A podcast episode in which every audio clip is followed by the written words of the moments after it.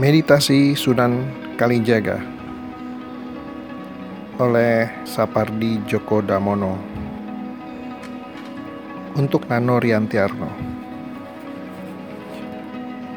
Sahabatku yang baru lulus dari sekolah drama terkemuka di Jepang mengajakku nonton pertunjukan drama Meditasi Sunan Kalijaga yang menurut kata-katanya pasti akan sangat istimewa. Aku sudah lama tidak pergi bersamanya. Sekarang mumpung ada kesempatan bisa ngobrol lagi dengannya.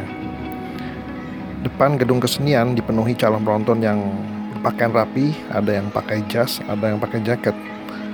Aku jadi agak kikuk sebab hanya pakai baju lengan pendek dan celana jeans yang sudah agak belel. Sahabatku hanya pakai t-shirt.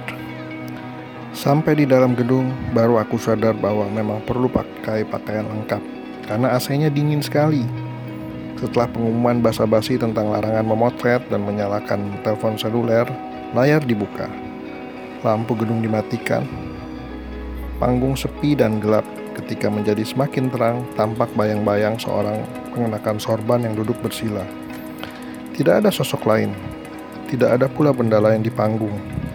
Tidak ada suara, tidak ada musik, tidak ada gamelan. Kami penonton semua menunggu 10 menit, 15 menit, 30 menit. Tidak ada di antara kami yang tampak gelisah. Semua tenang, setenang panggung. Dan kami dengan tajam mengarahkan pandangan ke panggung. Menanti apa yang akan terjadi. Bayang-bayang sosok itu tetap tidak bergerak sama sekali. Tetapi kami tidak pasrah. Kami tetap menyimpan keingintahuan dan tentu saja kesabaran menunggu apa yang akan terjadi di panggung.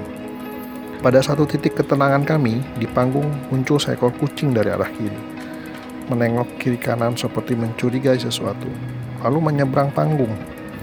Semua pandangan diarahkan kepadanya. Kepala kami perlahan serempak bergerak dari kiri ke kanan sampai kucing itu hilang dari pandangan, diikuti oleh paduan suara desah kami, sangat panjang dan pelan, menandakan kekaguman. Setelah itu panggung kembali lengang seperti semula. Kami sangat lega setidaknya ada sesuatu yang terjadi di panggung. Dan persis sejam setelah dibuka, layar pun ditutup. Lampu ruangan menyala pertanda pertunjukan usai. Seorang pembawa acara muncul dari arah kiri membungkuk sopan. Terima kasih atas kehadiran Anda semua malam ini. Kami mohon maaf sebesar-besarnya bahwa selama pertunjukan yang seharusnya kusyuk tadi ada seekor kucing lewat.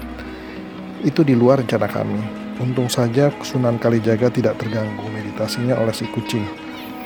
Sekali lagi kami mohon maaf, lain kali kami tidak akan membiarkan kucing berkeliaran di panggung.